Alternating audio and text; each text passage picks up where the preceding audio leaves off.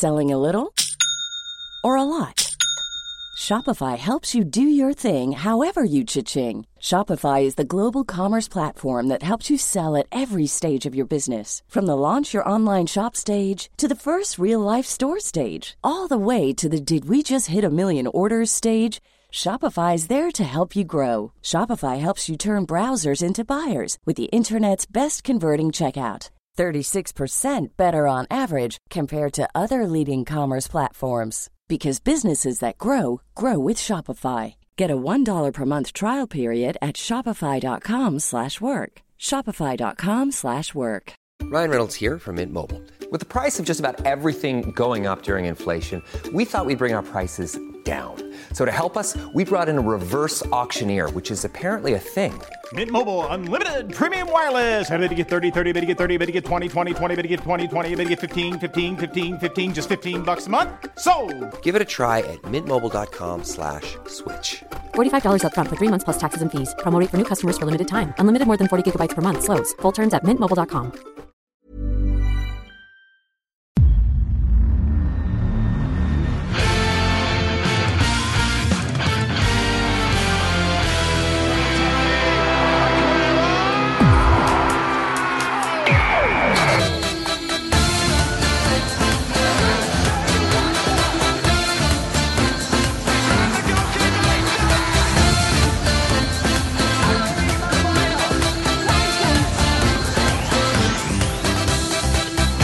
Då säger vi hjärtligt välkomna tillbaka till ett nytt avsnitt av Rule Britannia. Det är eh, söndag kväll den 29 oktober. Det har nyss blåst i visslan på Old Trafford, ett Manchester-derby som har slutat 0-3 och eh, frågan är väl hur Fabian Jalkemo mår ikväll.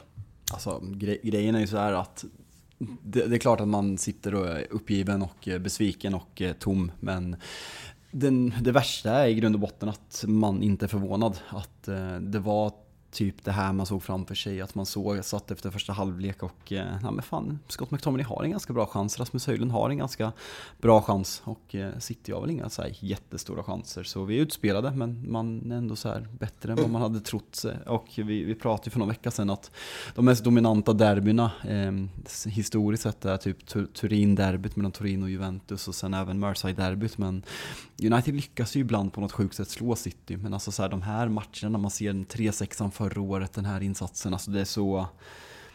Det är sån fruktansvärt klasskillnad och eh, jag vet att man inte ska prata netspend. Det är något som Liverpool-supportrar gillar och alla andra hatar men bara, så här, bara för att det är kul. Jag vill nog kolla de senaste fem åren. United har alltså 700 miljoner pund, City har 330. Sen går det liksom att prata om att City har spenderat som fan och fuskat till sig troligtvis de senaste tio åren. Men alltså det säger någonting om någonting eller säger någonting om väldigt mycket. Men eh, ja, nej, så det, det är piss. Det är piss såklart. Ja, nej, jag, jag, jag förstår ju det eh, såklart. Det, det blir ju lätt att försöka göra sig rolig av, av något faktum att, uh, att ni står där med mittlåset med, med John Evans och Harry Maguire och Victor, Victor Nilsson Lindelöf uttryckt till, till, till vänster och sådär. Och det, Erling Haalands eh, eventuella mål, inte problematik, men att det inte skulle vara målskytte på, på den yttersta rang där eh, vi har lärt känna honom tidigare och vi satt och pratade med, med Petter för några dagar sedan. Det, det, det var ju väldigt enkelt för nu, nu får han väldigt mycket hjälp. Vi ska prata om matchen senare, vi har, vi har mycket vi ska gå igenom innan vi kommer, kommer dit kanske. Men, men det är ju klart redan när, när startelvan kommer kan jag bara tänka mig att det ändå susar en del tankar genom ditt huvud. Men alltså, det är ju bland de sämsta startelverna man, man har sett i modern tid. Och det, det är liksom som det där som jag sa, man har netto spenderat för 700 miljoner pund de senaste fem åren och man ställer upp med tre man i mittfält med Christian Eriksen, Scott McTominay och eh, Amrabat. Och den backlinjen bestående av Diego Dalot, Harry Maguire, John Evans och Victor Lindelöf och med Rafael Varane och eh, på bänken och eh, Erik Ten Hag står innan, innan matchen och säger att det är en eh, tactical reason att liksom Varane och eh, sitter där. Man, man vet inte vad man ska tro och det är... eh, Nej, det är, det, det, det är så Ja, deppigt så det finns inte. Ja, men ska vi... Fan, vi, vi, vi ska faktiskt prata om matchen sen. Vad, du befinner dig på i ett annat land. Fan, jag är nyfiken. Du är på Island. Vi ska, vi ska Ja, prata exakt, om matchen. exakt, Alltså jag ska Ja, vi inte ska- komma ska- undan. Nej, nej, vi, vi, vi kommer komma dit absolut. Nej, men precis. Jag, jag eh, håller på att eh, snart avrunda en eh, långhelg på, på Island och i Reykjavik framförallt. Och stor shootout här till vår magnifika stundtals klippare Ingo. Inte att han är stundtals magnifik som klippare, men han, han klipper ju ibland detta när Kalle Nilsson inte är med. Och han, han har ju sina rötter här och har gett mig otroliga rekommendationer på hur man bäst upplever um, kanske Island i allmänhet, men framförallt uh, Reykjavik i synnerhet. Så ett par uh, magiska restauranger, barer eh, och uh, upplevelser har bockats av så här långt och ehm, um, jag, jag har fan också sett, och det jag tror var det senaste avsnittet, man, man liksom ändå slog fast att man ser oproportionerligt och kanske, um, ja, overkligt egentligen mycket fotboll. Jag har åkt till Reykjavik, har suttit igenom Arsenal, Sheffield United, Newcastle, Wolverhampton, Liverpool mot Nottingham Forest och Manchester där. Alltså så det, ja, det, det har blivit mycket fotboll ändå, men uh, mycket jag, annan njutning också. Jag gillar att du la upp den här resan till mig som att du skulle samla pluspoäng hos din fru så att du och jag ska kunna åka till England om, om, om fyra veckor. ja, fredagskvällen så uh, följde jag ändå bara Tottenham lite i telefonen, så jag tycker ändå jag har, jag har gjort mitt för att försöka, försöka bygga upp det där kontot. Men vad var Island då? Dyra, dyra ölpriser, men om vi bortser från det. Är det något att rekommendera eller?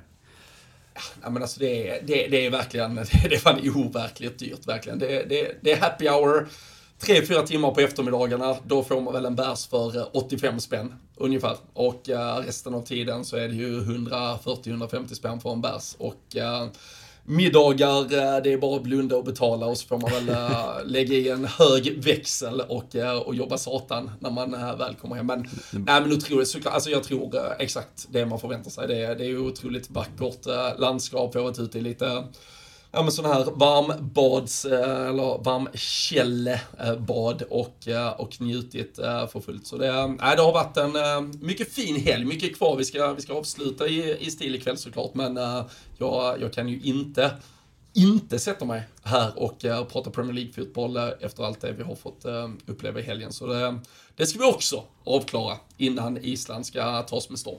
Så, så när, när, du sitter där och drar kortet efter de där barrundorna och bärsen kostar 130 spänn, då längtar du till du och jag den 24 november, sitter i Köpenhamn, väntar på planet på Kastrup, ja, piper iväg lite in till Köpenhamn och ska köra lite happy hour med en Tuborg och lite gammeldans för ja, men 35 spänn styck eller någonting. Nej, det, det pirrar i hela jävla kroppen. Nej, men det, det är fan en jävla dunderhelg. Vad har vi kvar nu? Är det fyra veckor exakt va? Vi, mm. vi har mm. kvar tills vi, vi då piper iväg eh, fredag och så har vi Manchester City mot Liverpool, tidig lördagsmatch. Vi har Everton mot Manchester United sen söndag eftermiddag. Kanske FC United. Vad tycker, om vi så här shoutar out till våra lyssnare. Salford spelar, jag kommer inte ihåg vilka de möter. Salford spelar 15.00 och FC United spelar 15.00 på lördagen. Vart ska jag ta Robin Bylund för att visa upp Manchester på bäst sätt? Jag, jag röstar ju FC United för att de serverar bärs på arenan det är ju alltså det problematiska i det hela. Vi har ju alltså 12.30 då engelsk tid avspark i City-Liverpool. Vi har ju scenario 1 där, eh, alltså mitt drömscenario där Liverpool har vunnit den matchen. Att jag då ska försöka förmå mig själv till att gå och bara titta på annan fotboll och inte vara för blown away. Vi har också ett scenario där Manchester City har gjort 1-0 i 93 på någon feldömd straff och att jag då ska försöka vara liksom människa. Det, blir alltid kryss. Det blir alltid kryss.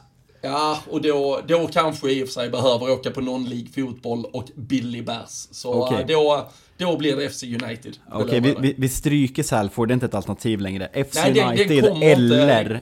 eller en 10, att jag bockar av 10 pubbar runt om i Manchester med promenadavstånd som vi ska köra på eftermiddagen. Oh. Eh, vad ska vi göra? Pubrunda i Manchester eller gå på FC United? Det, ett, eh, det bestämmer ni! Och folk, Ja, och folk, eh, folk följer med. På med kameran, så då. Ja, verkligen. Det blir content. Det blir en, rese, det blir en resepodd. Får göra lite, får ta med telefon, telefon, ta med telefonerna. Fan vad. vi tar med Ja, vi tar med telefonerna när vi, när vi är ute där på lördagen Robin. Nej, vi får, eh, vi får, vi får gnugga lite röstmemo, spela in lite så här småklipp. Kommer säkert bli skitdåligt, men eh, kul, kul tanke ändå. Exakt, exakt, exakt. Framförallt så kommer jag göra som så att jag kommer ta vinstpengarna från helgens uh, Toto-trippel. Som Uff. vi körde ut och uh, till slut, fan alltså, var det United som ändå pushade upp oddset lite. Jag tror de stängde runt 5.35 eller någonting på att uh, Liverpool skulle vinna med minst två mål, Aston Villa skulle vinna med minst två mål och uh, City skulle vinna över Manchester United i Manchester-derbyt.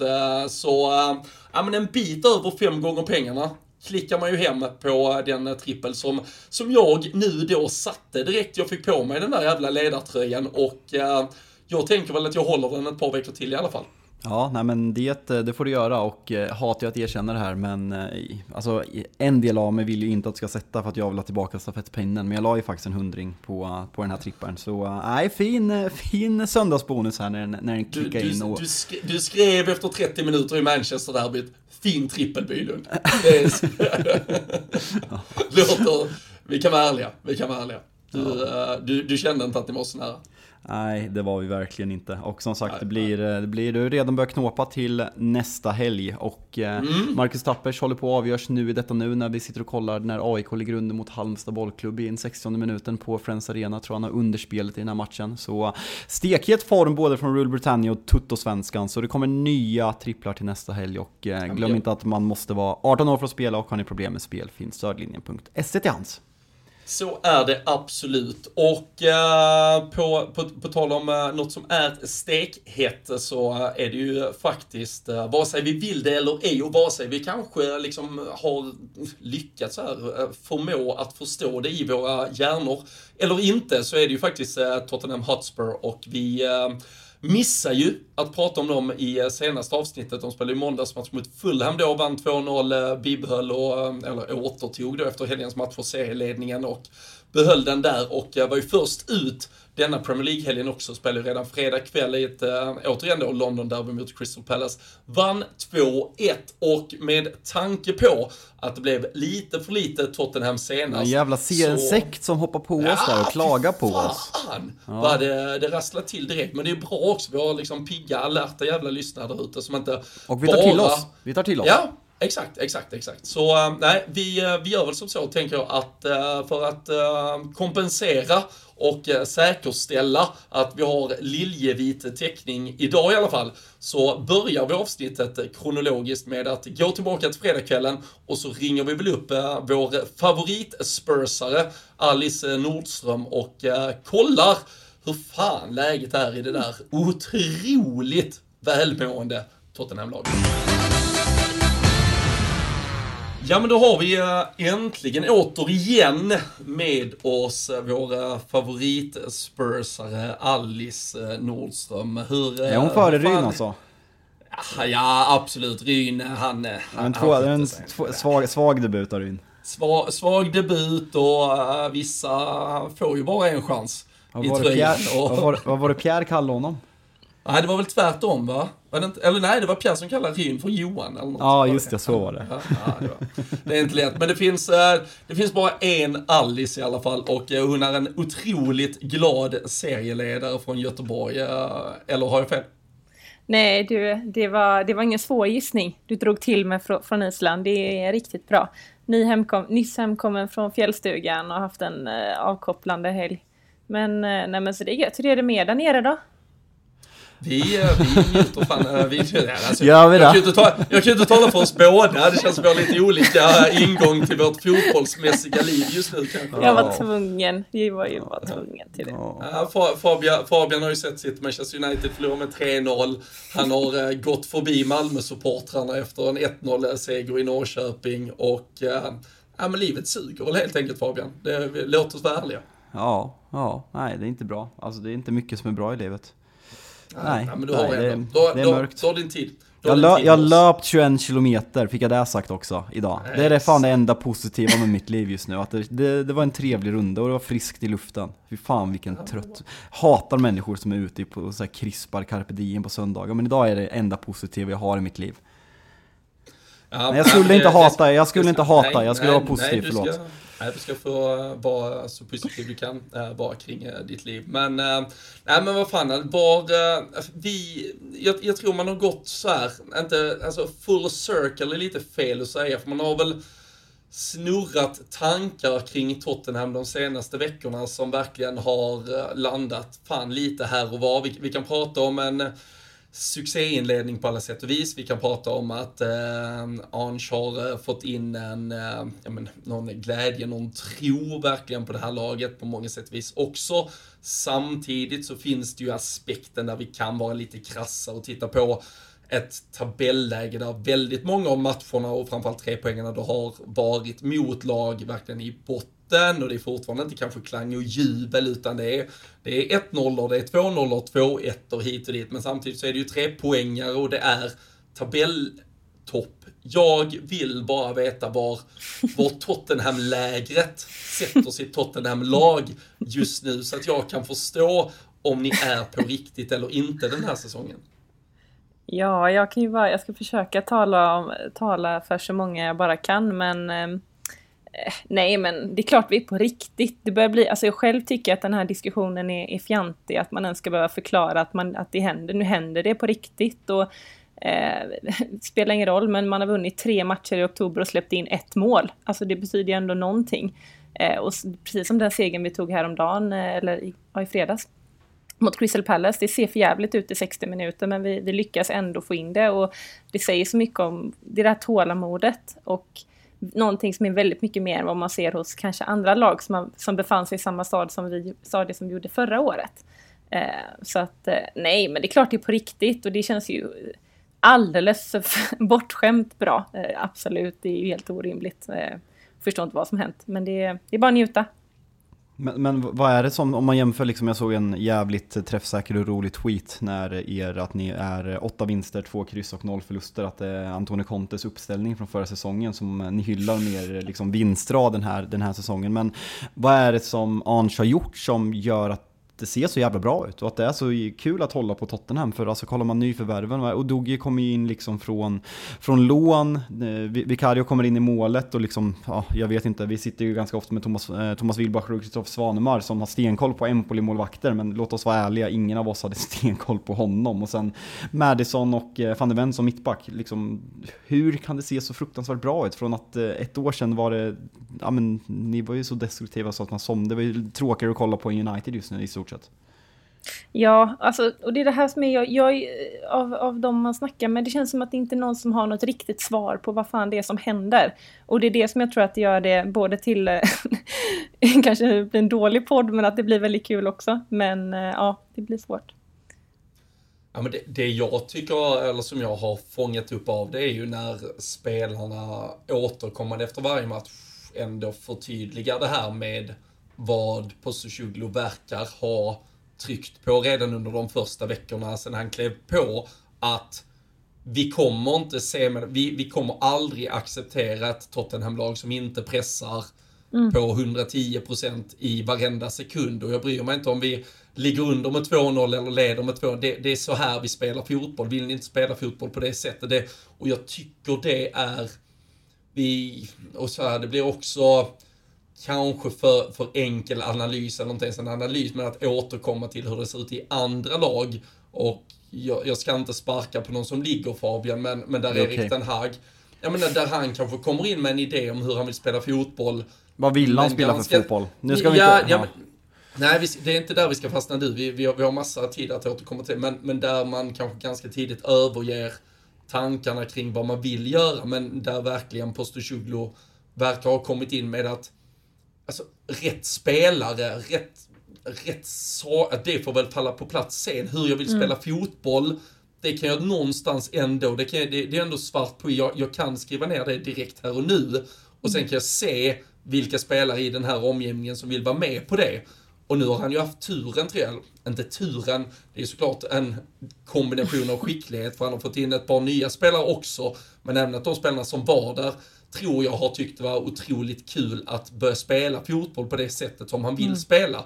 Mm. Och det känns ju som att det har varit en match med hem, men också att han har vågat sin delvis ringa tränargärning historiskt till trots så har han vågat säga så här vill jag att Tottenham Hotspur ska spela fotboll. Följ med på resan. Fan vilken lång utläggning det här är Robin. Bättre ja, tempo, jag... bättre tempo. Ja, men jag, nej, men jag, jag, är fan, jag är imponerad av hur han ändå har satt ner foten kring hur Tottenham ska spela och hur spelarna har köpt in sig på det. Ja, men absolut. Men jag tror att under eh, hela Tottenhams DNA ligger ju att spela en offensiv och rolig fotboll. Den har ju legat i väldigt, väldigt många år. En värdegrund som man inte har lyckats följa upp under de här senaste åren. Och där har ju liksom ledningen och Daniel Levi sagt själv nu i, i ett forum ganska nyligen att det största misstaget han har gjort och man fattar inte nu i efterhand förrän man träffade rätt med den här typen av bollen och det känns lite som att det är lite som ett företag, men att, att hela tiden man, klubben har varit redo för den här omställningen och man har haft spelare till att spela den här typen av fotboll. Eh, och nu kommer det in en tränare som gör det, så det, och plus att vi fick några nyförvärv men man glömmer ju allting och jag själv börjar bli, är så fruktansvärt trött på alla de här Ja, men han är i den här rollen, han har inte lyckats, han har inte spelat på största, på största arenorna innan och du vet, han är en late bloomer uppenbarligen. Men det är ju så jäkla viktigt nu att vi får den här, att vi får den här liksom självförtroendet och nu ska, alltså bara det att vi själva börjar förstå att det är mycket som sitter rätt och vi förlorar Harry Kane, eller han förlorar Harry Kane och det är så otroligt, alltså Eh, sitter man här nu och försöker tänka tillbaka på vad vi sa här när Harry Kane, för, när han lämnade, så trodde jag aldrig i mitt liv att vi skulle ha den här diskussionen nu, vilket gör att allt är bara surrealistiskt och ja. Mm. Supersnabb fråga där bara. Hade ni varit ännu bättre med Harry Kane eller finns det en aspekt i detta som är ett Tottenham som har tagit steg för att de slipper Harry Kane? Du, det är nog, jag kom, den är nog nummer ett tröttaste frågan, men absolut hade vi varit en bättre. Det fan, det, eh, vem fan säger att han inte hade varit vi hade varit ett bättre fotbollslag om han inte varit med? Den jäveln, undrar jag. Nej, jag, tror du, jag, tror du sa, jag tror bland annat att du, jag tror du sa det i somras bland annat. Men, men då, vi måste, jo, jag vet och jag säger, jag är först i ledet att kunna säga att när jag har sagt någonting som jag ångrar och det har jag gjort tusen gånger innan och det kan jag fortsätta med. Men skillnaden där var ju att nu valde han att lämna, men alltså och det är inflammerat som att göra slut med en pojkvän man har levt med i hela sitt liv. Det är inte så jävla lätt. Tro fan att man bara vill att han ska dra åt helvete och misslyckas. Men nu när man sitter här och det är framgång på framgång, ja det är klart att om vi ser vad han gör på Bayern München så ja, det är underförstått. Vem, vem ångrar sig mest? Är det Harry Kane som sitter i sitt drömhus i, eh, i Bayern eller är det ett Tottenham som kanske kommer förstå att det kommer vara tufft att vinna en Premier League-titel oavsett utgångsläge och kanske hade man haft bättre chanser med Harry Kane-laget. Eh, ja, det är, jag tror att det är Harry Kane som mår sämst, inte Tottenham. Vi kommer må kanon. Ja, det är bra. Två frågor Alice. Första, eh, snabbt svar. Tror du Harry Kane hoppas att Spurs vinner Premier League i år? Eh, ja, det tror jag faktiskt. Jag är väl den enda i hela Sverige som tror det. Men absolut. ja, nej. Och jag hör er säga något ja. annat där på lördag halv tolv. Eller klockan elva eller vad fan det var ni tjötade om det. Men eh, nej. Ja, vi satt och pratade om det. Ja, ja jag hörde det. jag, tror, jag, jag, tror, jag tror vi hade Skaka bara på huvudet. Helvete. I tutul, tutul, det, det, det, är där, det, det är där du ska använda dina röstmemon också Fabian och spela in sådana små uh, guldkorn. Ja exakt, och sen fråga nummer två där med nu, million dollar question. Hur länge håller det här Alice? Kan ni vinna Premier League? Eh, ja, den dagen du börjar tro att vi kommer hålla lite längre än, än fram till jul så kommer det kommer nog gå bra. Nej, eh, men vad fan om det håller. Det, allting, det går inte att svara på. Det går inte att svara på. Jag, jo, det, det är klart det går. Nej, det gör det inte. Det gör inte det. Eh, uppenbarligen så, eh, nej, jag vet inte. Jag, och jag just, väntar. Just nu? Jag kan, just nej, nu, var, just nu. Var, nej, jag tror inte det håller. Ja, men vad, är du, vad, vad, är du nöjd med? Vad är, vilken tabellplacering är du okej okay med? jag kan inte. Jag är så trött också på det här för att jag vet inte vad jag ska svara på det. För att folk är alltså så det är också så jävla Tottenham. Om, det är så, ni nej, bra nej, i nio nej, omgångar, nej. ni kan inte hantera det överhuvudtaget. Nej, för vet ni vad? Vet ni vad förl alltså förlorarinställning, det är så här någon frågar, om, ja, som folk säger, vilket jag ska inte outa några namn, jag vet att man gör det. Och det är att man säger, ja, men om jag hade fått en fjärde plats, jag hade fått ta det idag i slutet av säsongen så hade jag tagit det nu om vi hade fått komma fyra. Och jag tycker att det är helt idiotiskt. Man kan för fan inte utgå från det när man ändå är där uppe och, och fightas inom någonting. Det, det, jag kommer aldrig som eh, för detta eh, liksom, Och, och fram, framförallt, det, sju, det sjukaste med alla sådana saker, det tycker jag är om just supportrar som säger, jag förstår kanske om du sitter i någon form av, knappt en sportsliga ledning, men om du sitter i någon form av organisatorisk ledning på då förstår jag fjärdeplatsen betyder ja men det betyder ju Champions League, det betyder pengar eller någonting. Mm. Men att som supporter köpa Nej. fjärde, jag, jag går ju hellre, alltså låt mig drömma om det där guldet, men ja. så kommer vi sjua i 38 omgången för allt mm. sket sig. Och vems tack är det? Jag Alltså, vem låt tackar oss vi för drömma. det? Ja, och vem är det vi tackar för det? Jo, det är ju vår tränare, för han sitter ju för fan efter varje Harry match Kane. och säger bara låt, men låt dem få drömma, låt dem göra arenan till, något, till, en, liksom, till en hemmafest, alltså låt dem få drömma, alltså, låt dem göra det. Då? Jo, jo, men ja, det här är ju min dröm just nu. Jag har hållit på Tottenham i så många år och att få uppleva det här bara just nu på, efter det här sättet det får bära eller brista. Alltså jag, jag skiter lite i det just nu. Jag, bara att vi får, en annan, vi får sitta och diskutera de här frågorna är ju en, en, annan viktig, en annan viktig fråga bara, när möter ni ett bra lag igen? Eller ni har bara lätta motstånd? alltså, herregud. Vem möter ni, vem möter ni nästa helg? Eh, vi möter, eh, nej men det möter vi något gammalt eh, Pochettino-lag där tror jag va? På måndag klockan oh. nio. Ja, vi möter oh, Chelsea. Just det. Hemma. Så att det kommer ju bli, då kommer man sitta... Kom, kom, då kommer lyssnarna bli förbannade igen Fabian, för den kommer vi inte ha med i nästa veckas avsnitt. Ja, alltså nästan så att man ska släppa ett tisdagsavsnitt där. Vi får se lite. Det beror, det beror på hur het helgen blir. Det, det är något att, eh, att återkomma till. Men nej, nej. Det, fan, Sen tycker jag, alltså så här, Spurs absolut, de har haft ganska lätt schema, men det är ändå tre på pappret. Alltså så här, ja, man kan, man kan gadda åt United, men det är ändå United, det är Arsenal och Liverpool och framförallt matchen på Emirates tycker jag imponerar jättemycket av Spurs. Så jag Eh, ja, nej, inte så... Um... Mm. Nej, men jag måste, man måste ju flika in här bara för att det är det här jag ändå kände med och jag tror att det är väldigt många som upplever det att ett, vi Tottenham-supportrar har ingen jävla aning vad som håller på att hända nu eh, och det, det, är, eh, det är ett unikum i sig och vi njuter och man har kul och man fattar inte och jag kan säga att för varje match som går så mår jag sämre och sämre och sämre. Man sitter ju där och mår katastrof, man, man vet ju bara att att något kommer hända nu. Men det, det, är så mycket andra bekymmer. Vi vet ju att en till skada så, så har vi ett annat lag. Och vi har ett fantastiskt lag. Truppen går att diskutera eh, vad vi har. Mm. Eh, och så är det ju med alla lag. Och så här sa jag exakt om de här frågorna ni ställer till mig nu. Det satt man ju egentligen och pratade om Arsenal förra året.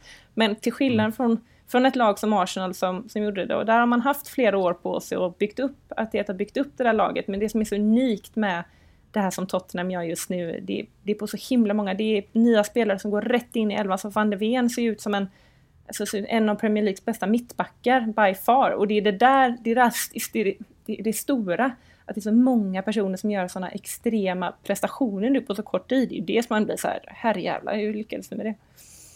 Det, det är som, eh, om jag, jag ska inte liksom dra ner någon rullgardin för mycket för, men det som kanske är svårare för Tottenham, om man vill så att säga, tro på drömmen fullt ut. Så det Arsenal gör förra säsongen blev ju någonstans också väldigt mycket ett tvålagsrace bara mot Manchester City. Medan Tottenham denna säsongen trots allt, av vad det ser ut just nu i alla fall, kommer ha med sig både Liverpool och Arsenal i den där kampen mot Manchester City om vi fortfarande ser dem som lag nummer ett. Så det, det kommer ju fortfarande vara även Arsenal och Liverpool framförallt Arsenal som bygger vidare på fjolåret och ett Liverpool som ska studsa tillbaka från fjolåret. Så det kommer det, det kommer ju vara många lag faktiskt som troligtvis har gjort fantastiska säsonger, men som kommer ändå kanske vara en bit ifrån en liga till. Så det är, det är jävligt svårt hur man, när vi spolar fram nu 29-30 omgångar mm. ungefär, ska försöka men... summera. Det kommer ju vara något lag som är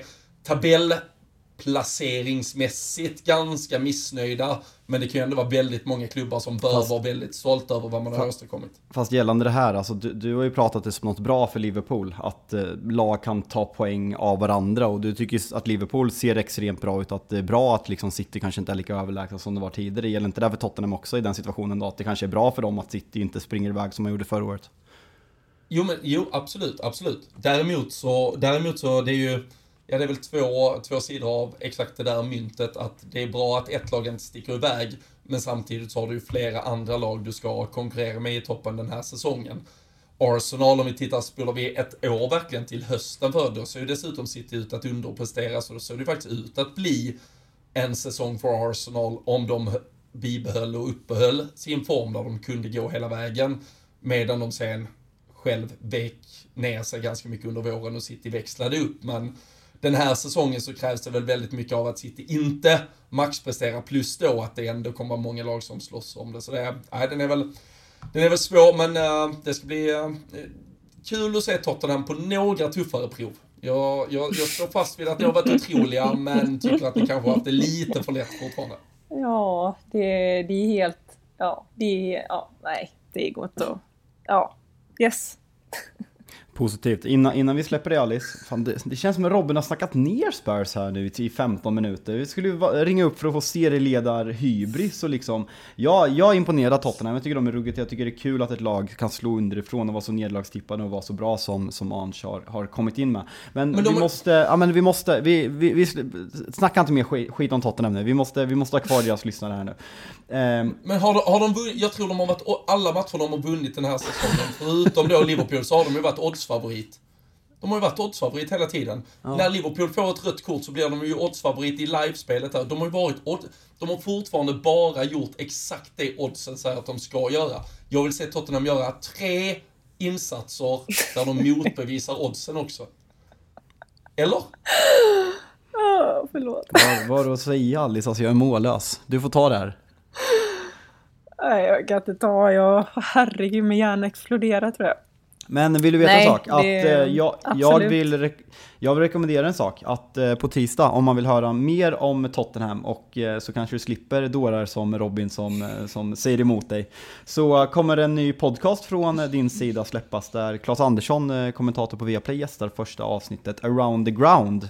Det ska man väl lyssna på?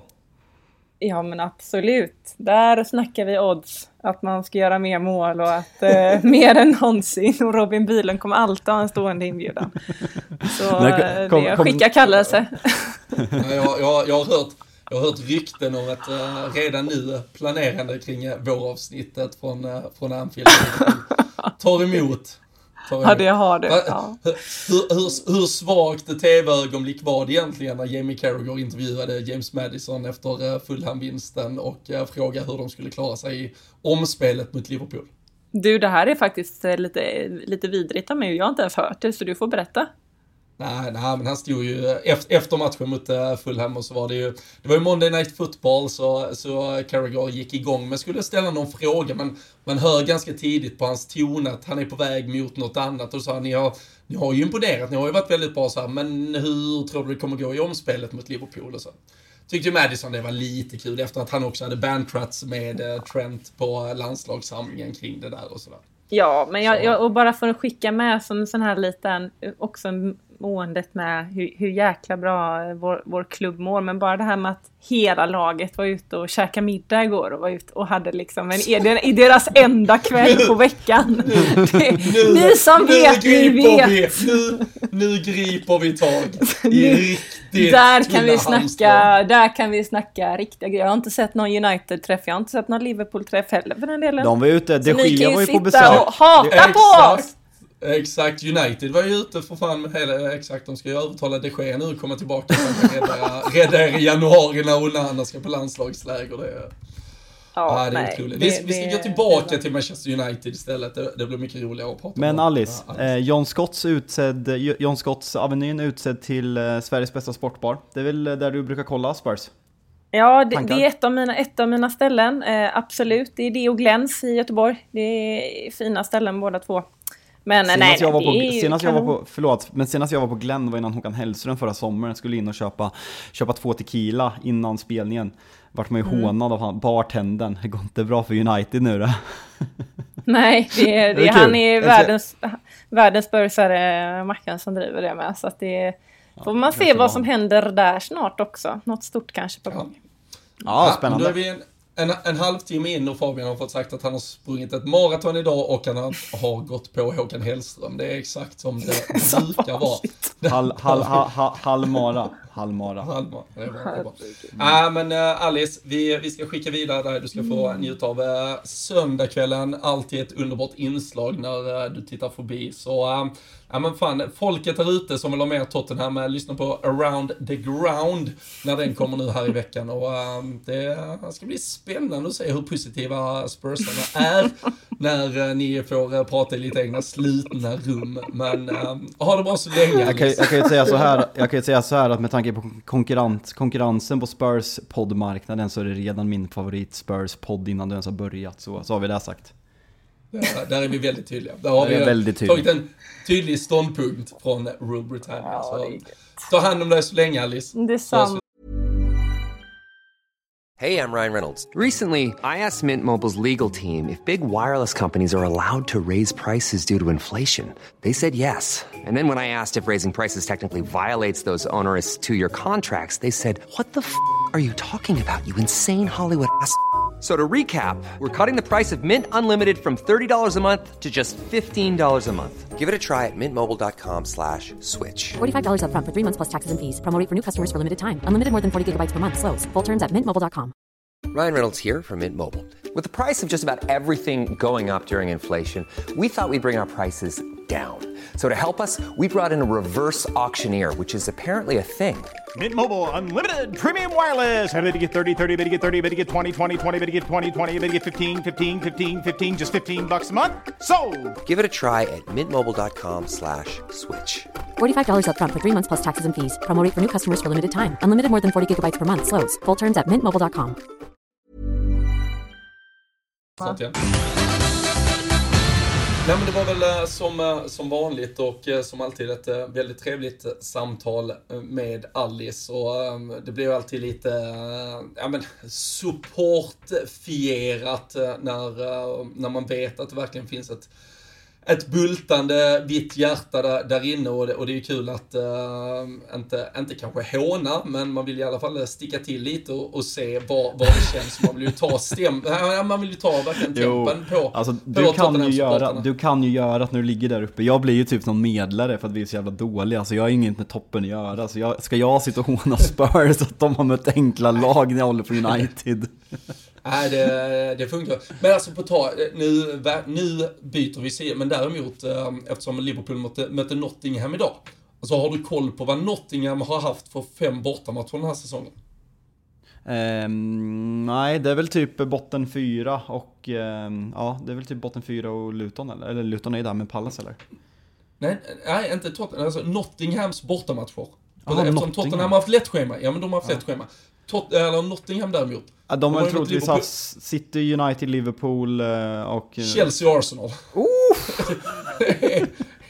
Helt otroligt schema faktiskt att få. Jag vet inte, det, det kan ju inte, ingen kan ju någonsin ha fått ett så sjukt schema faktiskt. Nej, den är, eh, den är ruggig alltså. Nej, det hade jag faktiskt ingen koll på. Det, det, li, lite, trist, lite trist att ha dammat av det redan också i eh, liksom, För- för 29 supportrarna, ja. oktober.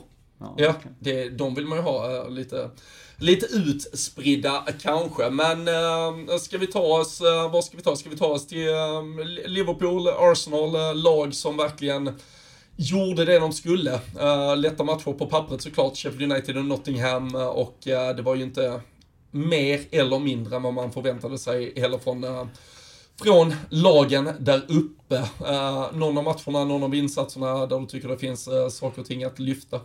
Alltså till att börja med så ska man säga att det är fruktansvärt. Jag tycker det säger någonting om lag. Eh, vi pratar om den här alltså en lagserien. Att det nästan har blivit det att City vinner eh, på rullande band. Och att City är det laget som nästan man vet liksom, möter de Sheffield United hemma, möter de Nottingham hemma, det, det städas av och det bättras på målskillnad som djävulen. Men jag tycker det säger någonting om de här klubbarnas styrke, styrkeförhållande i år, hur bra de är, att man verkligen kan städa av de här lagen. För om du kollar på, ja men på Spurs, de städar inte av några, United gör det verkligen inte, Chelsea gör det verkligen inte heller och Newcastle har väl gjort det några matcher, men det känns, där är mer varannan match är svinbra och varannan match så är det ett ganska rejält bottennapp där man tappar oväntade poäng. Det är bara att kolla på Brighton som är praktexempel och exakt likadana. Så jag, ja med två rejäla fotnedsättningar och kul för Eddie Nketiah som vi har diskuterat ganska mycket. Som är liksom, är han tillräckligt bra för att vara backup? Är han tillräckligt bra för att spela i Arsenal? Vart ska hans karriär ta vägen? Men att han går in här och gör hattrick när Jesus är borta är jävligt imponerande.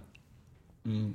Är han inte, och det, det här är fullständigt gripet ur luften och, och den som sitter och, och kollar upp statistiken kan ju säkert ja men, uh, sätta ner foten mot mig och eventuellt hänvisa eller påvisa något helt annat. Men känns han inte också så spännande? Man pratar ju ofta om uh, så här, big game players, vilka som är det och ibland eh, gör man, uh, gör man poäng av spelare som inte lever upp till när matcherna är så bra. Känns inte Eddie Nketiah som, alltså, alltså small game player. Alltså är, är det en sån här match mot Sheffield, ja men då, då är jag, han, jag, han, jag, har, jag han, har hör verkligen i, han har verkligen i sig att göra hattrick mot den här typen av lag, Mm. där kanske tändningen för vissa andra spelare inte är där. Men fan vad han alltid är liksom rätt eh, mentalt inställd, även i en match som på pappret inte ser lika sexig ut. Och, det, och det, det är en styrka på något sätt att om man är en andra anfallare i ett lag, att man har den Exakt. mentala styrkan. Alltså det, det är ju liksom inte så att folk inte tar det som något negativt, det är något positivt. Sen liksom ska man ta nästa steg, att liksom starta en klubb som, som vill hota om Champions League och ligatiteln långsiktigt, så då funkar det såklart inte. Men nej, jag, jag, jag håller med att han kanske har en förmåga att försvinna ganska mycket när han har startat eh, de tuffa matcherna, vilket varit. Arsenal har varit lidande av när Gabriel Jesus har, har varit skadad, vilket gör ett problem långsiktigt att Gabriel Jesus är så skadebenägen som han är. Så, men äh, jävligt, det, det känns så här, ja, men, som en spelare som väldigt svår, ja, men så här, det känns som en genuint jävla bra kille som liksom gör gnugget och kommer från, kommer liksom varit i klubben länge och, och så, så det, det är kul för Eddie. Mm, nej, absolut. Och eh, Liverpool eh, 3-0 eh, till slut eh, skrevs resultatet i Nottingham. Eh, Ställde ju verkligen upp en eh, köttmur eh, initialt där, någon form av 5-3 1-1 Chris Wood eh, var out, så Anthony Elanga längst fram.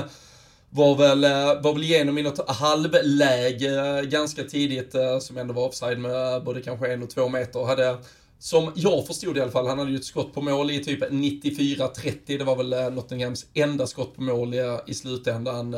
Ensidig historia och Liverpool men har väl visat ändå tycker jag att det här uh, otroligt possession-baserade mittfältet och uh, McAllister som den där sexan, återigen då om vi går tillbaka till diskussionen med Eddie Nketiah och, och small Får- får- club får jag, jag, jag, jag har faktiskt förberett en tweet här eh, gällande, Mm. gällande det här ämnet, så jag, jag hugger dig och ska läsa upp en tweet. McAllisters bästa match va? Soboslaj man of the match, men tycker nog Mac var bäst av alla. Bröt alla omställningar från Forrest, alltid ett alternativ i rätt vinkel för både off och def och göt ett lugn över spelet varje gång det behövdes. Kommer det utvecklas till en brutal sexa. Känner, känner du igen det Mm. här tweetet?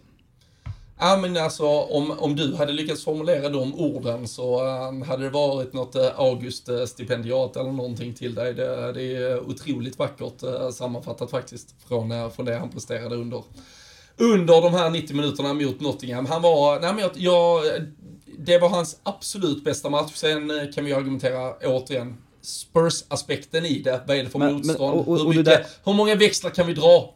100% Va- va- jag köper det. Fast du drar, ju väldigt stora, du drar ju väldigt stora växlar här och att han kommer utvecklas till en brutal sexa för att han är man of the match hemma mot Nottingham. Vi har ju suttit här och pratat om att Liverpool behöver en sexa för att McAllister inte är en Rodri, att han inte är en prime Casemiro, att han inte är en Declan Rice. Gör en hemmamatch mot ett pissdåligt Nottingham att McAllister kommer utvecklas till en brutal sexa. Nej, ja, men vi måste komma ihåg att 30 av 38 matcher är sådana här pissmatcher i Premier League. Jo, Med all absolut, respekt. fast...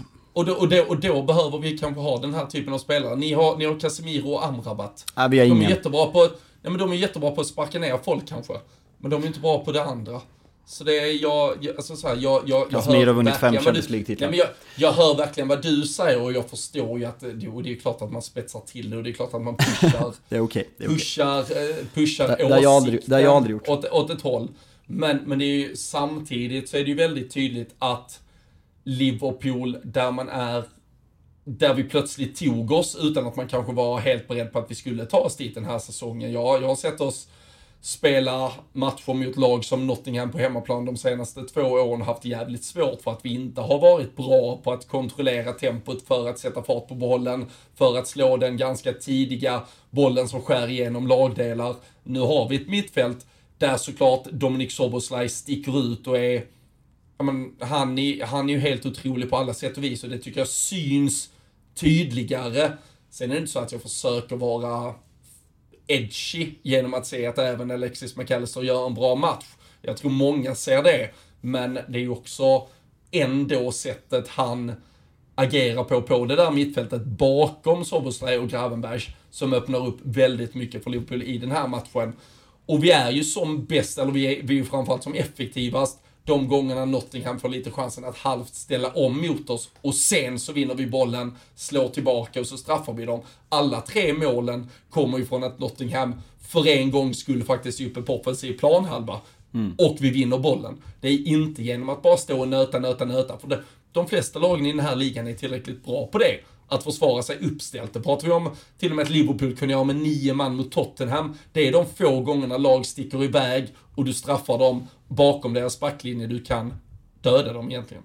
Ja, nej alltså jag, jag, jag hör dig, jag ville bara liksom reagera på den, att han kommer bli en brutalt bra sexa baserat på mycket den här matchen. För jag, vi får jag, väl jag, se, vi får ja, se. Absolut, men jag har faktiskt skrivit det liksom i körschemat här att jag tycker att vi ju pratat mycket om Liverpools mittfält, hur man ska få till det, men jag tycker det börjar se brutalt jävla bra ut. Soboslaj har vi berömt, ja men från sen dag ett. Gravenberg har kommit in nu och man har sett, och man undrar liksom vad, hur kunde han inte få plats i Bayern München och om han inte fick plats, hur kunde man inte sälja honom? Eller låna ut honom för att sen få, få mer pengar. För det verkar vara en briljant fotbollsspelare och McAllister vet vi att han har spelat både där i Argentina och i, Brighton. Det är ju en väldigt eh, kompetent fotbollsspelare även i den rollen som även kan spela med tvåvägs. Jag personligen tycker att han, och vad jag sett tidigare i hans karriär, är bättre. Men jag tycker Liverpool börjar se, och även defensiven börjar se bättre ut. Och Darwin börjar komma igång, även om han saknar järnkällor så börjar han ju liksom leverera trots att han inte kan göra mål på öppet mål. Men ja, Nej, men det, det, det, det ser läskigt bra ut.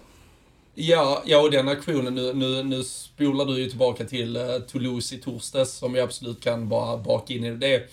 Alltså att, att göra dels omställningsspelet, han gör, sin, han gör sin back, han gör målvakten, han är förbi och ska bara det, det summerar ju såklart väldigt mycket. Men att han då uh, idag här får vara så involverad spelar fram, eller via det skottet, 1-0 målet. Han är på rätt ställe, han är verkligen en meter från den där jävla mållinjen när Soboslaj äh, dunkar in bollen som blir 2-0 mål. Det, Nunes, han, är, han närmar sig, jag tror han har 12 mål och assist totalt den här säsongen redan. Han var väl uppe på 19 totalt förra säsongen. Mer än Rashford. Varit, nej men han har ju varit mycket, mycket mer involverad i allting och äh, det kändes, äh, ja men så så naturligt. Och vi såg ju också mot eh, Toulouse, där spelade ju Diogo Jota 90 minuter, så det var ju uppenbart att Darwin skulle få den här matchen. Sen var ju såklart tanken att Luis Diaz eh, skulle vill du, vill ha vill du berätta, vill du, vill du berätta vad, eh, vi, vi, såg ju alla Jotas hyllning och de flesta vet ju, men vill du dra lite bakgrundshistoria för de som inte har stenkoll på det? Ja, och sånt här, eh, jag höll på säga förhoppningsvis, och det, det handlar väl helt om i vilken utveckling saker och ting går. Men det, förhoppningsvis har vi väl kanske ändå hittat en, en lösning och någonting har landat i, i det bättre. Men äh, när man vaknade upp äh, söndag morgon så var det ju till nyheterna att äh, ja, men Luis Diaz föräldrar initialt hade blivit kidnappade i Colombia. Hans mamma har ju blivit, när vi sitter här och spelar in i alla fall, frisläppt efter en, jag menar att militären har kopplats in och gjort en ja, men, aktion i, eh, ja, men, i räddningssyfte helt enkelt. Och eh, nu får vi väl se, jag, jag hoppas ju innerligt att uh, när folk lyssnar på detta så är ju kanske pappa också frisläppt. Men, men det är ju klart att det är en um, situation där, och det är också otroligt svårt att spekulera eller försöka, ja, försöka göra någon tanke kring exakt vad som har hänt eller varför det har hänt. Men det, det är väl tyvärr, utan att generalisera för mycket, så är det ju tyvärr ett land där vi har sett uh, fotbollsspelare vi Visserligen var man ung då, jag tror eh, folk känner igen eh, Andres Escobar och, och spelskandal och, och mordet på honom eh, 1994 och vi har ju tyvärr haft situationer förr i Colombia där där fotbollsstjärnor på olika sätt och vis har blandats in i, i saker och ting som har fått förödande konsekvenser. Så det är ju bara, det är bara verkligen att hoppas att, att allt löser sig. Och det, det var väl jävligt fint att Diogo Jota i stort sett utan att fira, utan det första han gjorde var att springa ut till bänken och, och hålla upp. Louis Diaz tröja istället. Det där känns typ mer, alltså man, man är typ, det, det, där känns ju på riktigt. Alltså så när, när folk, jag är ju ganska allergisk mot när någon, när någon spelare blir skadad och man ska stå med personens mm. tröja. Det är liksom en sån fruktansvärd inflation i det där och liksom vart går gränsen? Men det här är ju bara jättefint av Diego Jota och Jürgen Klopp sa ju det i intervju efter, innan matchen att han sa liksom det här har påverkat hela vår uppladdning, alltså senaste dygnet. Att han ja, aldrig varit med om något liknande. Så liksom att, att ändå gå ut och göra den här insatsen, sen var det en passande uppgift mot Nottingham, men ändå att sätta ner foten och göra den insatsen är fruktansvärt imponerande av Liverpool. Och som sagt, vi, eh, vi hoppas att eh, när folk lyssnar på det här, att de, eller de nästkommande dagarna, att det här löser sig för Luis Diaz familj. Ja, nej, verkligen. Och Nej, och jag, och jag tycker, som sagt, jag, jag behöver inte, jag behöver inte sjunga eh, Dominik Soboslajs eh, hyllningssång och mer också, men där, där har vi ju att göra med en spelare som spelar... Första assisten i Premier League, oväntat såg jag. Alltså, det hade jag inte gissat ja, ja, på. Nej, det hade nog inte jag. Det är, det är ju två assist eh, till slut. Alltså bollen han skickar upp som uh, Turner missbedömer och som Salah till slut lägger in i, i öppen kasse. Och, eh, och där är det ju så här med, med, med mål och assist. Det är så jävla svårt att förhålla sig till det. För jag, jag, jag satt ju jag satt och kollade matchen på någon ja, men ett, ett, ett, ett sporthak här på Reykjavik och så satt jag med, med bordsgrannen och diskuterade Salah. sa jag att Visst, alltså Salah ligger ju bakom, Salah dessutom, alltså, han ligger ju bakom både 1-0 och 2-0, men med hockeyassisten så att säga. Han är ju tredje spelare på de där målen och han hade ju 13 raka matcher på Anfield inför idag, där han hade gjort antingen mål eller assist. Så Jag bara såhär, Salah, han, han, han vet detta så mycket i sig. Hur mycket han än känner att han är involverad så vet han hur mycket sådana siffror ändå betyder. Så får han då att få göra målet och på samma sätt som du, du säger med, med Chobos, att han nu får göra assisten. Det är Fast att deras spel kan vara så vägvinnande ändå så är det ju faktiskt jag tror det är väldigt viktigt för dem att känna att det at the end of the day finns svart på vitt vad de har bidragit med. Så det är, nej, så, han spelar ju på ett, han, han, alltså han startar, han pausar, han styr det där spelet på ett sätt som är, jag, jag tycker han är Premier Leagues absolut bästa mittfältare just nu i alla fall och jag tror inte ens att du kan säga emot det. Alltså, pratar vi offensiva, absolut. Jag eh, håller ju Rodri som typ världens bästa fotbollsspelare. Så uh, mittfältare köper jag inte, men pratar vi offensiv mittfältare så absolut. Ja, men det, det, det, får jag väl acceptera att det, det är där vi landar. Ehm, eh, Rodri bidragande i 3-0-segern på Old Trafford. Vi, vi har ju berört den, ehm, vi har berört känslorna kring den. Men eh, jag vet att oavsett om resultatet eh, kanske i slutändan på inga sätt går att diskutera, så går väl ändå, och det är trist att man landar här, men 1-0 målet måste väl gå att diskutera och straffen som eh, kommer till efter den situationen som det Alltså, vi landar väl, alltså vi blir ju som en liten eh, repig skiva där. Men eh, till, till att börja med måste jag bara säga att liksom, jag, jag kommer inte sitta och skylla på det här och liksom, man kan döma. Det tror jag ingen, det, det, är också, nej. Nej, men jag det, vill det är också därför jag vill lägga över det. Ja, men ja. Jag tror verkligen ja. ingen får köpa det, eller tror och jag, att det är och, det det handlar om. Och jag vill säga att jag tycker att det är uselt agerat av Rasmus Höjlund. Det, det är väldigt, alltså han är väldigt lat i sitt försvarsspel och han ska inte ge domaren chansen att, att ta det där. Men återigen är vi där att Kollar man det här i real time så ser det ut som en situation som händer på fem ställen varje hörna. Det är en situation i slutet av första halvlek när Harry Maguire håller Håland som rusar för att liksom få, en, eh, få en cutback från, eh, från Jack Grealish tror jag det är. Den är ju den är mycket mer straff om du ska gå på de regelbokarna. Att man liksom inte får hålla en spelare och liksom stoppa honom från en målchans. Men här återigen, alltså de bara rullar slow motion på slow motion på slow motion eh, när, eh, när domaren går ut i varskärmen och det är liksom, jag tyckte det var kul när Fredrik Ljungberg i Svenska svenska studion verkligen satte ner foten och bara så här, det här, det här är inte engelsk fotboll för mig. Det här, alltså vill vi ha det som spanska ligan, då är det straff. Och sen att Michael Oliver sitter uppe i varummet, det gör en inte förvånad här. Så uh, ja, nej, jag, jag, vet inte. Alltså återigen är vi där med slow motion bilderna och uh, man ska inte döma enligt slow motion.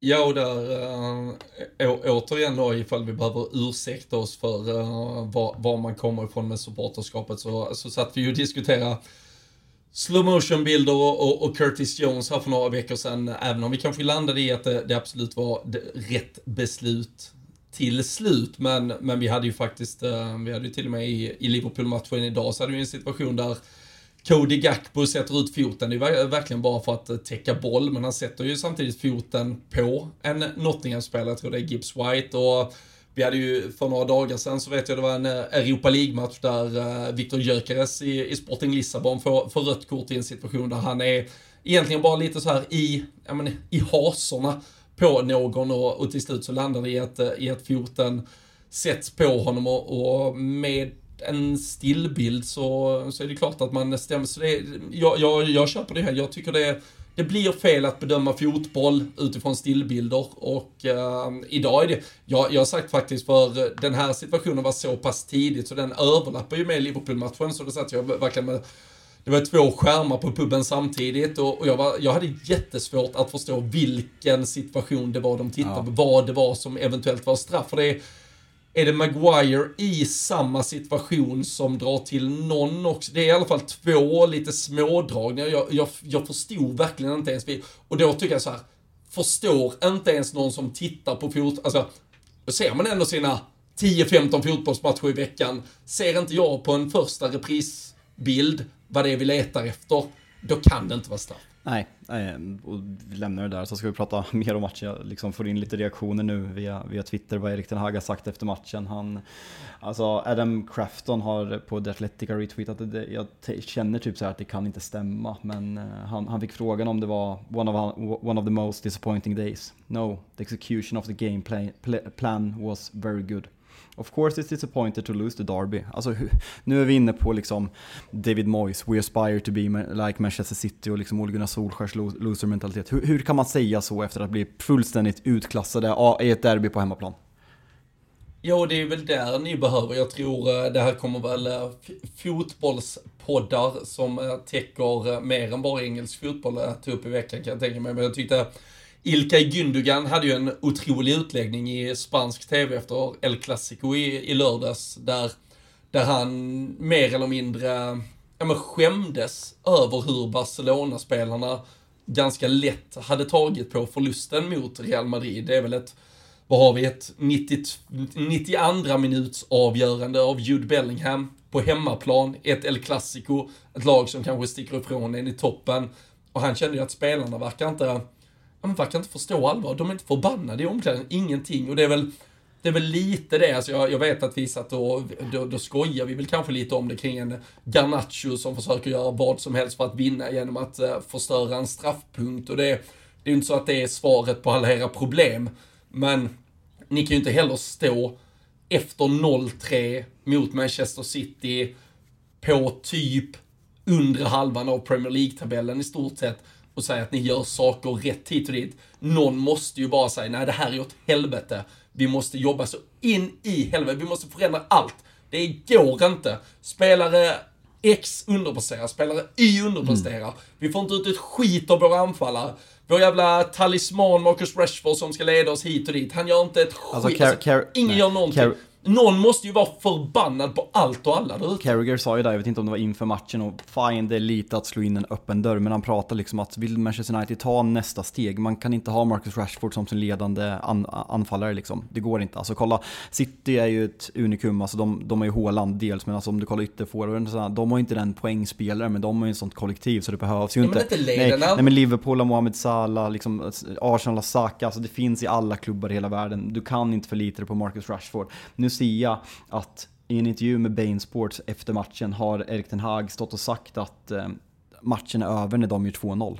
Hur kan en tränare till Manchester United säga att en match är över när man ligger under med 2-0 i den 49 minuten på hemmaplan? Han byter ut Rasmus Höjlund och jag såg att du hånade honom att han har dragit på sig mer straffar än han har gjort mål i Premier League, jag köper det. Men han är fortfarande den enda spelaren i vårt lag som hotar offensivt. Hela Old Trafford buar för att han är den enda som visar någonting för att han blir utbytt. Hur kan man säga så som Manchester United-tränare? Jag börjar tröttna rejält och snart eh, Snart eh, vill jag inte ha kvar honom. Alltså, jag, jag börjar komma där, för jag, jag, jag ser väldigt mörka saker just nu.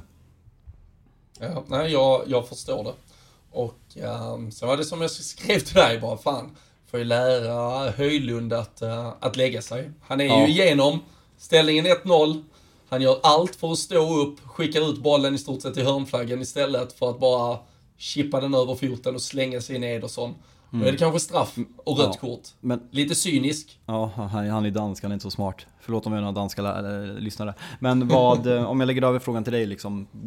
Ena, eller det, det, är väl ingen ringhörna som vill att Erik Ten Hag ska sparkas egentligen. Han börjar ifrågasättas på riktigt. Men om jag lägger över frågan till dig, alltså hur, hur, mycket, hur länge kan man bara peka på det är ägarnas fel? Hur länge kan man peka på att det är sportsliga ledningens fel och inget kommer förändras tills de byts ut. Jag... Att Erik Den Hag, liksom, det blir inte bättre om vi, om vi tar Robert, Roberto De Serbi för att det är liksom en infekterad miljö och vi kommer göra virus av honom också. Hur länge kan man peka på det och när kan man börja på riktigt ifrågasätta om Erik Den Hag är rätt man att leda United framåt för att utmana om titlar? Nej, men jag, jag tycker att, alltså om vi, om vi faktiskt eh, för en gångs skull ska använda den extremt enkla supporterlogiken och inte försöka vara smartare än så, så är det ju, jag vet att vi pratade om det med Petter förra veckan när vi pratade Pep Guardiola, hur länge han eventuellt stannar i Manchester City där jag då som Liverpool-supporter kan säga att jag, alltså, jag kommer ju fira den dagen Pep Guardiola lämnar City för då tror jag att Liverpool har större chans att besegra City över det långa loppet så att säga. Och, och, och frågar du mig som Liverpool-supporter idag ifall jag vill att eh, Pep ska lämna City så säger jag ja. Vill jag att eh, Postecoglou ska lämna Tottenham? Ja. Vill jag att Arteta ska lämna Arsenal? Ja. Vill jag att Ten Hag ska lämna United? Nej toppen om ni behåller honom.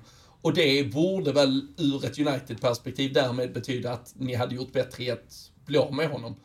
Och det är alltså, någon gång och ibland och kanske när man kommer till den yttersta gränsen är det kanske den superenkla supporterlogiken man ska använda. Mm.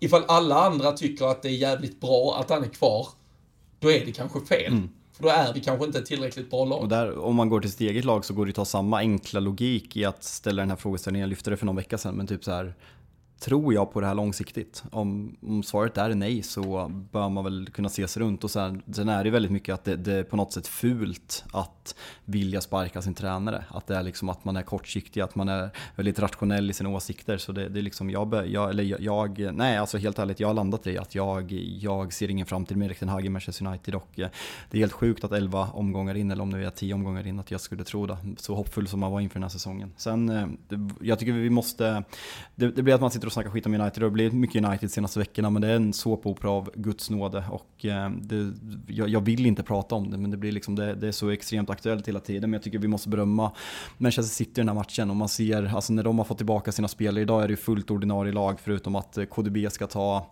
eh, Alvarez plats långsiktigt om han lyckas komma tillbaka och vara den spelaren han var innan. Men med John Stones tillbaka, alltså jag håller John Stones som kan, kanske världens bästa mittback. Jag, vilket fruktansvärt bra fotbollslag det här är. Och att folk liksom kan kolla på det här laget, den här startelvan och även bredden som finns på bänken nu med Mattias Nunes, Kovacic, det finns, ja, tänkte säga Calvin Philip, men Doky, alltså det finns spelare att slänga in och folk börjar prata om att ja, men de, de har ingen bredd. Alltså vilket jävla lag det är. Nej, men Ja, och nu idag var det ju verkligen det, det gamla Manchester City. Exakt. Och då pratar jag bara, då pratar jag bara om att vi spolar ett, ett halvår tillbaka, men Manchester City-laget som vinner uh, Champions League och vinner en trippel. Det, det är som du säger, det är, det är ju Alvarez istället för KDB och så, så är det väl Guardiol istället för Akanji, men det, eller Ake, uh, vem som nu hade kunnat vara vänsterback istället. Men det, det är ju verkligen en uppgradering och sen då Alvarez, men um, att City annars och Bernardo Silva är ju sådär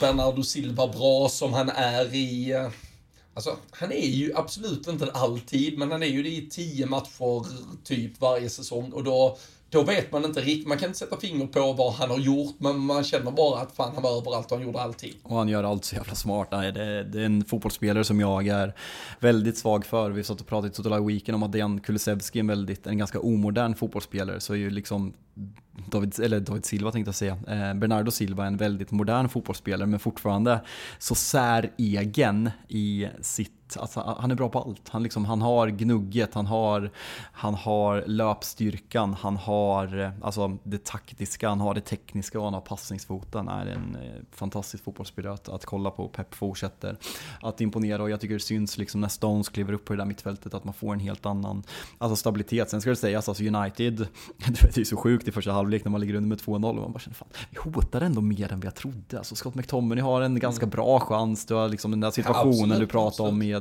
med Rasmus Höjlund han är igenom och eh, med, med lite skärpa där så, um, så har du ett mål där. Så uh, det går fortfarande att straffa City med, med kontringarna, tycker jag tydligt den här första halvleken. Sen i andra halvleken, defileringen i mål. Så uh, nej, det är imponerande av City, så det ska sägas att man inte bara sågar Manchester United. Eh, Stamford Bridge trodde man att det skulle bli mm. tillbaka på hästen efter två raka och sen det där lilla snöpliga poängtappet hemma mot Arsenal. Men nej, Brentford ville annat.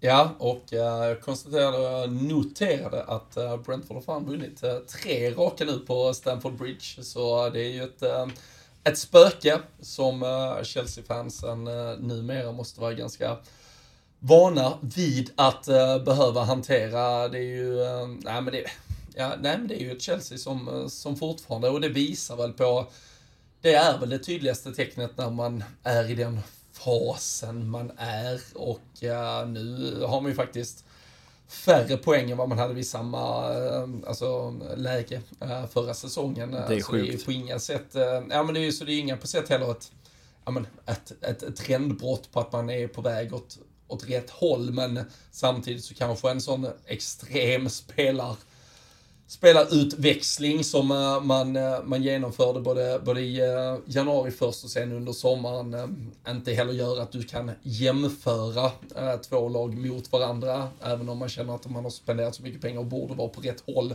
Men, men det är ju ett Chelsea som som jag tror man bara får acceptera den här säsongen. Det kommer vara, det, där kommer finnas träffar. Vi, vi är nog alla överens om att det finns en kvalitet, alltså både vad gäller bredd men också en spetskvalitet i att de kan ju vinna över vilket lag som helst. Det är, alltså, de, de, kan slå, de kan slå ett City, men de kan ju uppenbarligen också förlora mot ett Brentford, de kan förlora mot ett Nottingham, mm. det har de gjort hemma mm. och gått mållösa. Så det är klart, där, där finns ju absolut ingen garantispelare.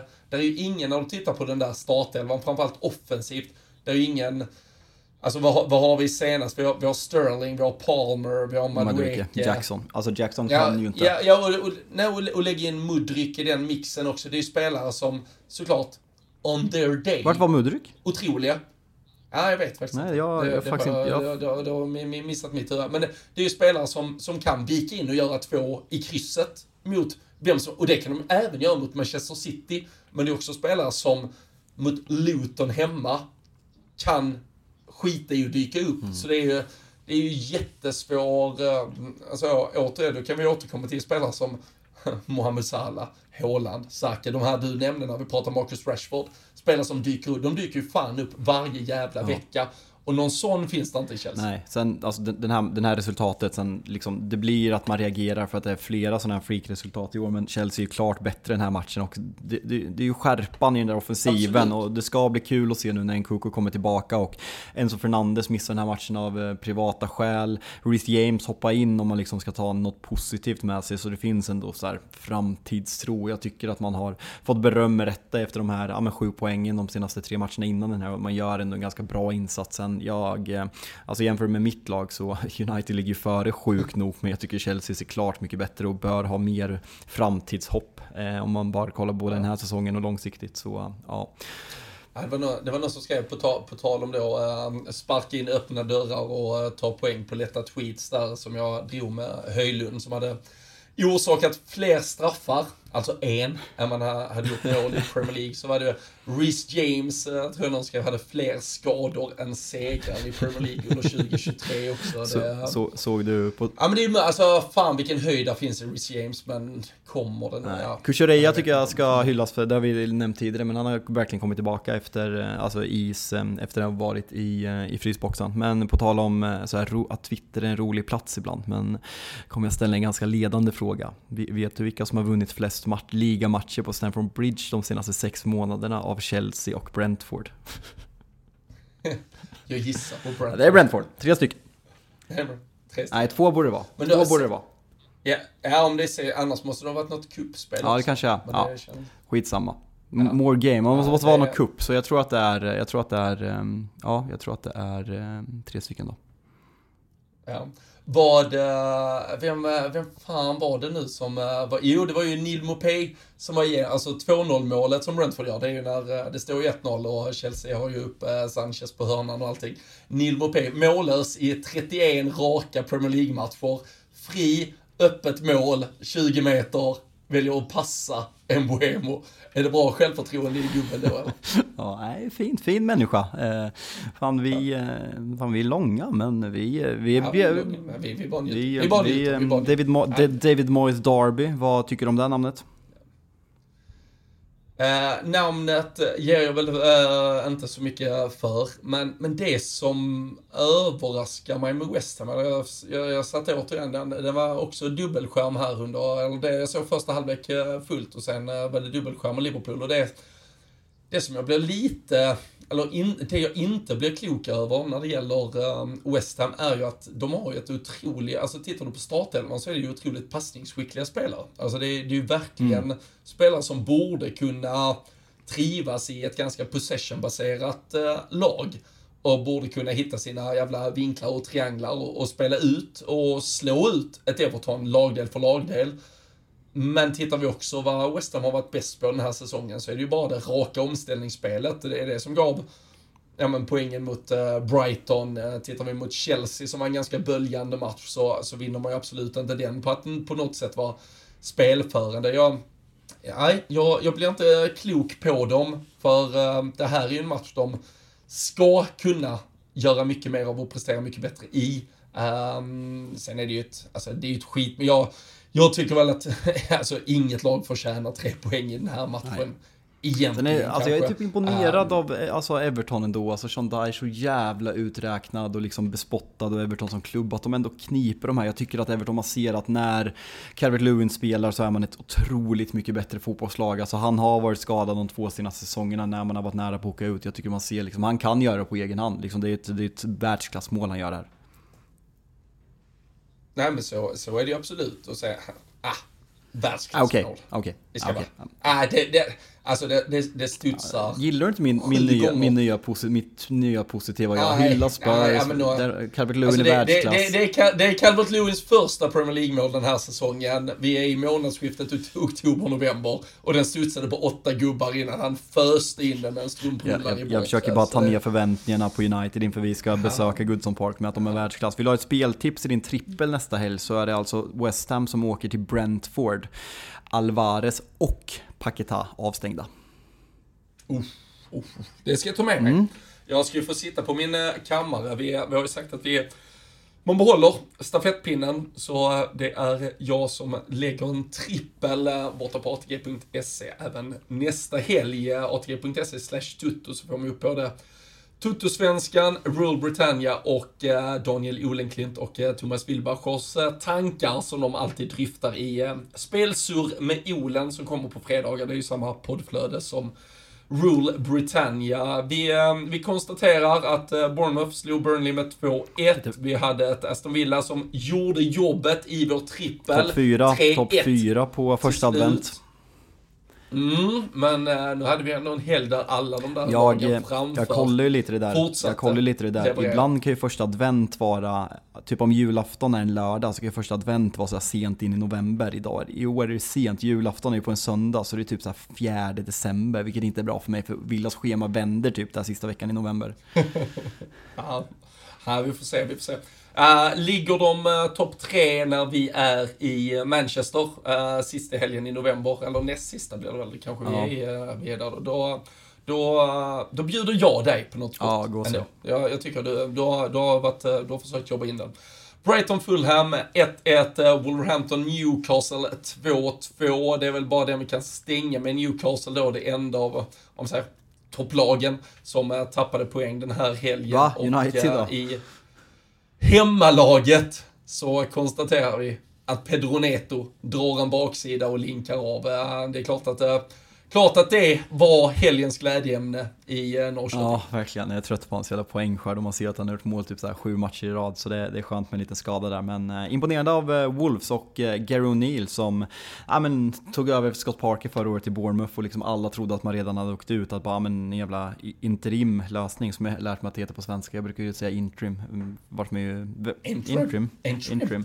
Vart man ju väldigt utskälld när man sa. Nej men jag, Gary O'Neill liksom blir, eh, blir sparkad från Bournemouth trots toppenjobbet han hade för att man skulle ta in den här, eh, den här superspanjoren som imponerar stort. Eh, så han tog över Wolverhampton som många hade tippat. Ideriola. Exakt, som många hade tippat. Ja, Ja, men att många hade tippat att Wolverhampton skulle åka ut för att man liksom, ja, men en avveckling på, på hela Jorge Mendes-projektet eh, egentligen. Men äh, Wolves, äh, jag tycker de imponerar och Gary O'Neill imponerar väldigt mycket. Gästade Monday Night Football förra veckan med Amy Carragher också, så det var väldigt intressant och... Fan vad bra han Ja men det är kul, fan att Monday Night Football, alltså tidigare varit, alltså, Gary, alltså Neville och Carragher, älskar dem tillsammans och allting med liksom analyserna, men att de, att de får in tränare, nu får jag hjärnsläpp, men det har ju varit en annan. Just det, det var Thomas ju din Frank, favorit, Thomas Frank, Thomas Frank var ja, men, to, ja, men att de ändå får dit Thomas Frank och eh, Gary, eh, O'Neill i, i Monday Night Football och sitta och prata fotboll och taktik i två timmar. Alltså det är sån, det är få förunnat. Dessutom, Ja, och de är ju sjukt öppna. Alltså Gary O'Neill äh, pratar ju om för, eller hur, Wolves mötte ju, exakt, det var ju en del på din äh, trippel förra veckan. Mm. De mötte ju Bournemouth, alltså hans gamla lag. Och då var han ju extremt öppen med, alltså verkligen alla triggers de skulle använda, exakt vad de gjorde, i vilket läge. Det var ju väldigt utlämnande kring hur de spelar sin fotboll, så ingenting att, nej, äh, det kan jag ju inte säga för då, då förstör jag för, för nästa match, utan de verkligen la ut korten. Ja, Ja, Thomas Frank pratar, vi, vi som följer, eller vi som följer, jag följer inte så jävla mycket. Jag, jag följer svensk fotboll via Tuttosvenskan, men Pontus Jansson har ju ofta pratat om den här hemliga svarta boken med, med, med, Bre- med Brentfords, nej men med fasta situationer tänkte jag. Som han, ha, som, Ja, är något som han hade Yes. som krav att han skulle få ta med sig till Malmö när, när, han, när han lämnade Brentford. Och eh, Thomas Frank var ju där och pratade liksom om ja, men vad de gör på fasta situationer och liksom förändringen att gå från en fyrback mot sämre lag till en femback mot, eh, mot eh, på pappret bättre lag och att man har som fruktansvärt bra statistik mot topplagen i Premier League. Så ja, men vi är ju vana i allsvenskan med tränare som liksom kan besöka studion och prata efter matcher men det är sällan man får den här ingången till Premier League managers och spelare så det är jävligt kul att de, att de ställer upp och att Monday Night Football fortsätter gasa. Sen vet jag att det, att det är svårt att få tillgång på och kolla på i, i Sverige men eh, ja, ni får googla helt enkelt. Ja, gör det. Jag har en, kom, jag en, jag en kompis som har ett konto som så har stängt, eh, som man får betala för, som har, som har stängt antal eh, medlemmar. Så det, jag lånade av honom på måndagar så det går så Ja, det är bra. Det är bra. Njut av det.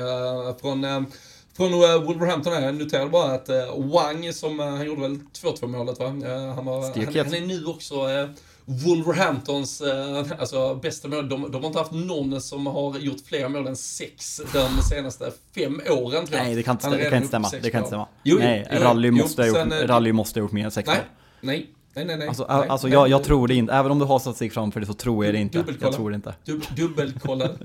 Om det, om, om det är fyra, fem eller sex år däremot, där någonstans är jag inte helt säker. Men eh, jo, han är redan uppe på uh, toppnotering då som uh, Wolverhampton målskytt. Det är väl ungefär sen Diogo Jota lämnade Wolverhampton. Uh, det är väl tre eller fyra år sedan. Uh, för Liverpool. Så där någonstans. Men skitsamma, det är han som i alla fall ska bära det där Wolverhampton nu när Pedro Neto är borta. Newcastle får studsa tillbaka. De möter ju ditt Manchester United i ligacupen i veckan.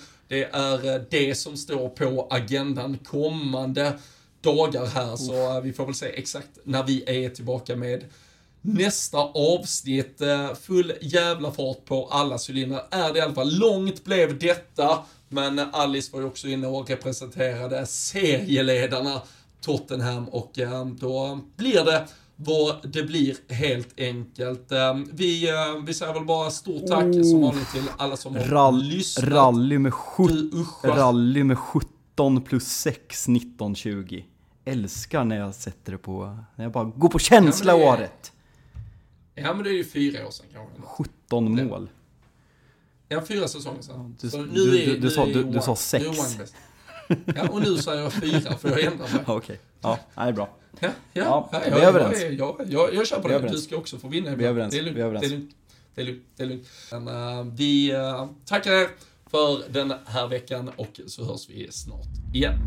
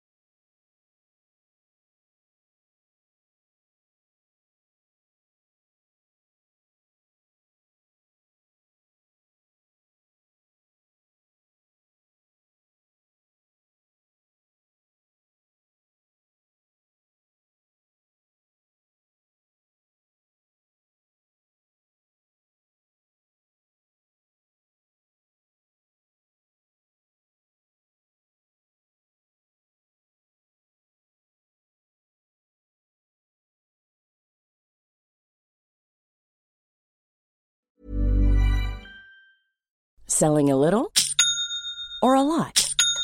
Shopify helps you do your thing however you cha-ching. Shopify is the global commerce platform that helps you sell at every stage of your business. From the launch your online shop stage to the first real life store stage, all the way to the did we just hit a million orders stage. Shopify is there to help you grow. Shopify helps you turn browsers into buyers with the internet's best converting checkout. 36% better on average compared to other leading commerce platforms because businesses that grow grow with Shopify. Get a $1 per month trial period at shopify.com/work. Shopify.com slash work. A new year is full of surprises, but one thing is always predictable postage costs go up. Stamps.com gives you crazy discounts of up to 89% off USPS and UPS services. So when postage goes up, your business will barely notice the change. Stamps.com is like your own personal post office, wherever you are. You can even take care of orders on the go with the mobile app. No lines, no traffic, no waiting. Schedule package pickups, automatically find the cheapest and fastest shipping options, and seamlessly connect with every major marketplace and shopping cart. There's even a supply store where you can stock up on mailing supplies, labels, even printers. Stamps.com has been indispensable for over 1 million businesses just like yours. All you need is a computer or phone and printer. Take a chunk out of your mailing and shipping costs this year with Stamps.com. Sign up with promo code PROGRAM for a special offer that includes a four week trial, plus free postage and a free digital scale. No long term commitments or contracts. That's Stamps.com code PROGRAM.